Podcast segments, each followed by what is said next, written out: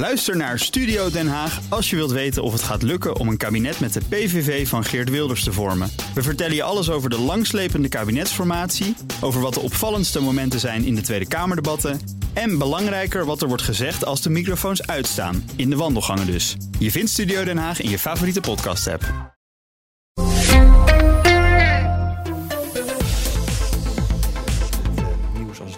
De oorlog in Israël en Gaza. Want die gevechtspauze is vanochtend vroeg in, eh, ja, op een allerlaatste moment verlengd met een dag. Vlak voordat eh, de Amerikaanse minister van de Buitenlandse Zaken, Anthony Blinken, weer voet op Israëlische oorlog zette.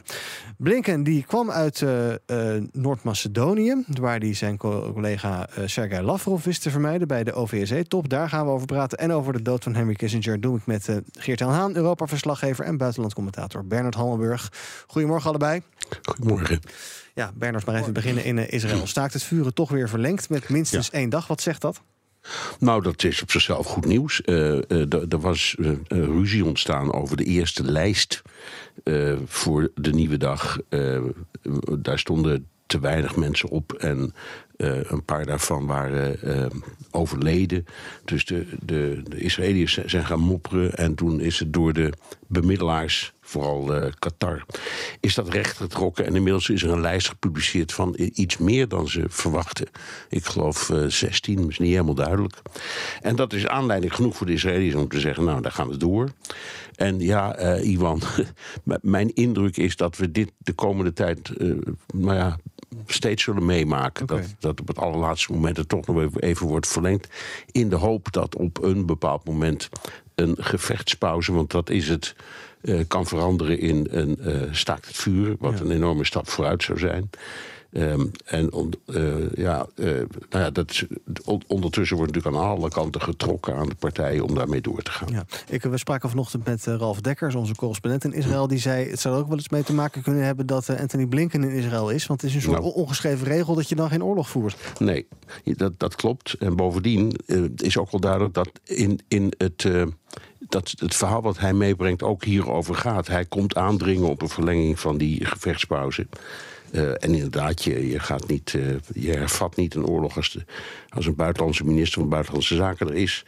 Ehm, maar eh, het is, hij, hij heeft nogal duidelijk, zeer duidelijk ook voor zijn vertrek gezegd dat hij daar echt heel, heel ste- stevig op in gaat zetten. Ja. En eh, nou, het is vorige keer ook gelukt. Eh, niet alles wat hij onderneemt in dat Midden-Oosten lukt. Want hij is ook een paar keer eh, op. bijvoorbeeld toen hij Saudi-Arabië bezocht, hebben ze hem geloof ik een paar uur in een wachtkamertje laten zitten. voordat hij Mohammed bin Salman te spreken kreeg. Maar het is een doorzetter. Ja. En het, het, het thema voor deze man nu is om te zorgen dat de gevechten niet worden hervat. En het gevaar daarop, of althans de kans daarop, is behoorlijk groot. Want de, de, de, dat oorlogskabinet van Netanyahu, vooral de, de Galant en, en Gans, dat zijn dan de twee eh, militaire deskundigen waar die samen mee regeert. Die roepen steeds: we staan echt klaar om onmiddellijk weer toe te slaan als dit misgaat, Ja. dit proces. Dus de dreiging van de oorlog is zeker niet weggenomen. Nee, toch die eh, ja, steeds zo'n korte verlenging. Dat lijkt me ook wel een vermoeiende aangelegenheid. Het blijft dan tot het laatst weer spannend en dan weer wat uren maar erbij. Het is, En, het is natuurlijk een, een politiek spel, vooral van Hamas. Want dat laat, om het zo maar te zeggen, Israël elke dag door een hoepeltje springen. Hè? Als, eh, eh, het, het hangt er vanaf wie, wie zij op hun lijstje zetten. En dat de hele Israëlische bevolking zit, zit op dit moment zo ongeveer eh, nagelbijtend en met Ja. dichtgeknepen billen steeds maar te wachten op wie er nou op dat lijstje staat en wie er ontbreekt. Ehm, en over het oorlog, het, het, het, het- onderwerp oorlog wordt onder de Israëlische bevolking ook bijna niet meer gesproken. Het gaat helemaal over die, eh, die gijzelaars. En, en nou, daar, maakt de, daar maakt Hamas natuurlijk op een geweldige manier gebruik van.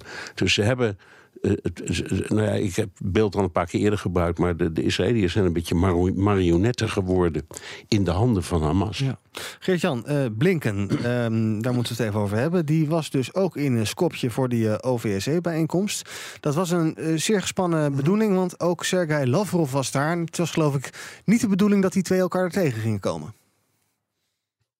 Nee, en dan moet de OVSE-top eigenlijk nog beginnen. Maar uh, dan kijk je naar een voorprogramma dat misschien uh, nieuwsier en smakelijker is dan, uh, dan de hele top zelf. Mm -hmm. ik had nog even contact met Reinier Jaarsma, Balkan-expert die ook in Skopje zit. En die, die spraken we gisterochtend. En hij vertelde mij gisteravond dat het ja, blauw zag van de politie en veiligheidsdiensten. Want Blinken en Lavrov die, nou ja, die, die, die gingen en die kwamen. er was een informeel diner, daar was Blinken dan geloof ik nog bij. En hij heeft wel met een aantal mensen gesproken. Maar uh, ik geloof dat hij nu weer is weggegaan. En dat Lavrov dan nu binnenkomt. Mm -hmm. Um, ik zag een verklaring vanuit het Russische ministerie van Buitenlandse Zaken. Die zeiden van ja, uh, er komt geen ontmoeting. Want de Amerikanen hebben daar niet om gevraagd. Hm. Vond ik ook alweer een interessante formulering. Geen woord van dat ze zelf misschien met de Amerikanen zouden willen spreken. Want Lavrov steelt wel de show. Hij heeft uh, toestemming gekregen om uh, ja, via het luchtruim van de EU naar Skopje te gaan. Rusland houdt de OVSE gegijzeld. En uh, Lavrov zegt ook dat er verschillende aanvragen van allerlei westerse leiders en diplomaten zijn om met hem te spreken. Hmm. Dus Rusland uh, creëert het beeld dat ze weer wat salonveiliger zijn en dat er met ze gepraat kan worden bij die OVSE. Ja, nog even voor de duidelijkheid: hè. Organisatie voor Veiligheid en Samenwerking in Europa. Allerlei noordelijke, uh, noordelijke ja. halfrond landen zijn erbij aangesloten. Zoals dus inderdaad uh, Amerika, Rusland, nou, van alles en nog wat. Um, en zal ik het bruggetje maken, Ivan, in 1975 opgericht. En wie staat daarbij op de foto? Nou. Henry Kissinger. Ja, nou, laat, laten we het daar zo nog even over hebben. Toch nog heel even kort, want gisteren spraken wij Reiner Jaarsma. En die, dat was nou niet echt een heel erg uh, bemoedigend gesprek als het gaat om hoe het verder moet met die OVSE. Want die zei, geloof ik, het is een soort uh, aflopende zaak. Ja, en de Litouwse minister van Buitenlandse Zaken... die heeft uh, de OVSE gisteren zelfs bijna hersendood genoemd. Nou hebben we dat eerder gehoord uh, wat betreft de NAVO. Beroemd citaat van Macron. Ja. Nou, dat is, uh, daar zijn we door de geschiedenis weer helemaal uh, ingehaald. Het zou denk ik goed zijn als de OVSE op een of andere manier zichzelf opnieuw uh, uitvindt. Want het is wel een hele belangrijke organisatie die ook met een goed doel natuurlijk is opgericht voor de vrede en veiligheid in Europa in die koude oorlogstijd. Uh, alleen net als met, met de VN uh, begin je toch een beetje te twijfelen aan of het op deze manier met al die vetorechten wel nut heeft. Ja, Bernard, OVSE hersendood?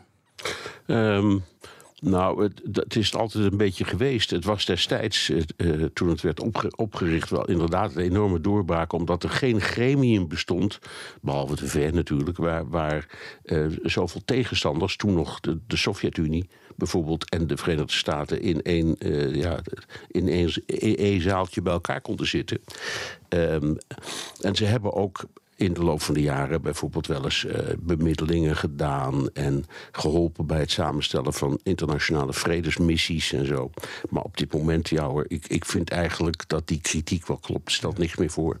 Dan, Geert-Jan noem hem wel eventjes. Henry Kissinger, topdiplomaat, politicus, overleden. Minister van Buitenlandse Zaken, nationaal veiligheidsadviseur bij uh, Nixon en Ford.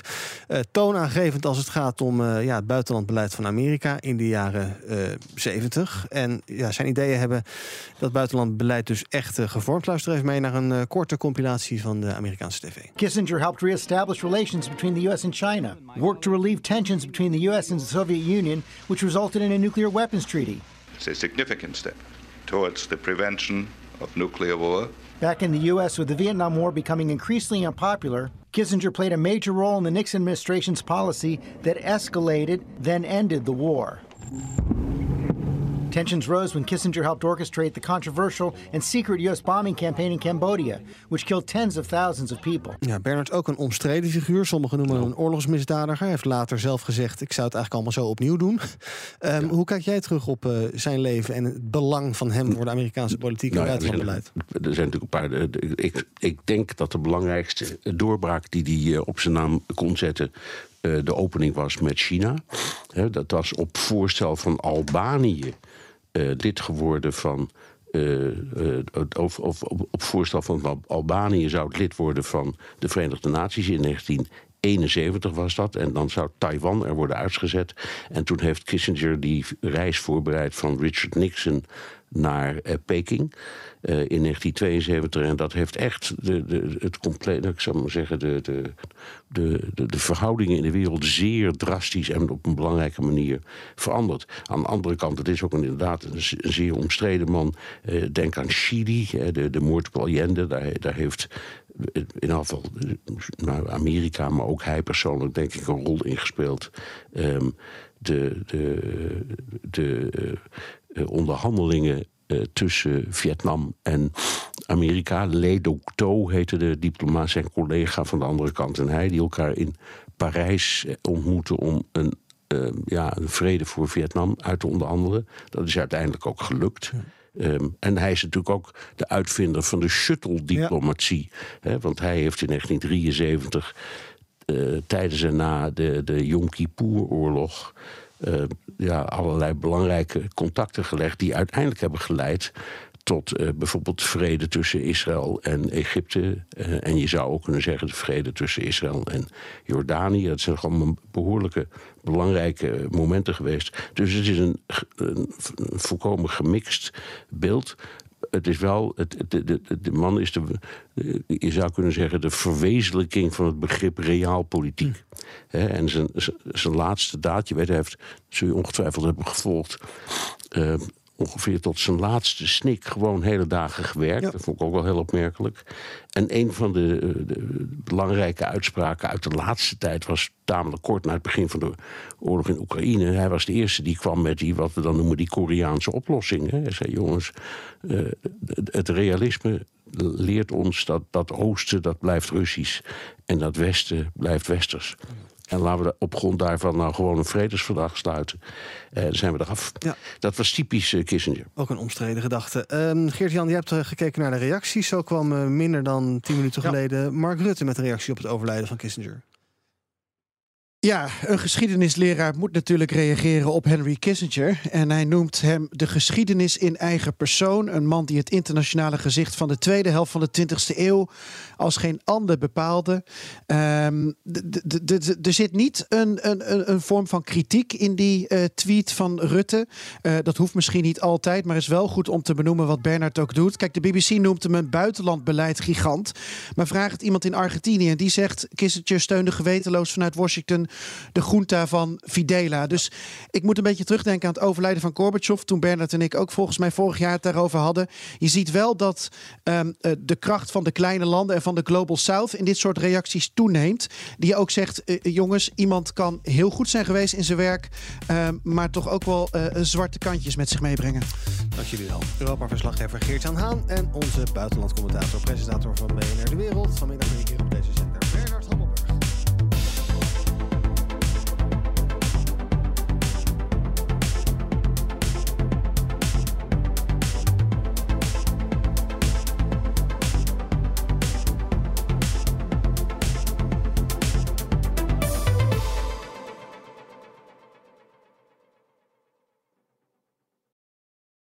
Ook Liesbeth Staats vind je in de BNR-app. Ja, heel handig. Luister live naar Kees en mij tijdens de Daily Move. Dan blijf je ook gelijk op de hoogte van breaking news en het laatste zakelijke nieuws. En daar vind je ook alle BNR-podcasts, waaronder de Perestrooikast. Download nu de gratis BNR-app en blijf scherp.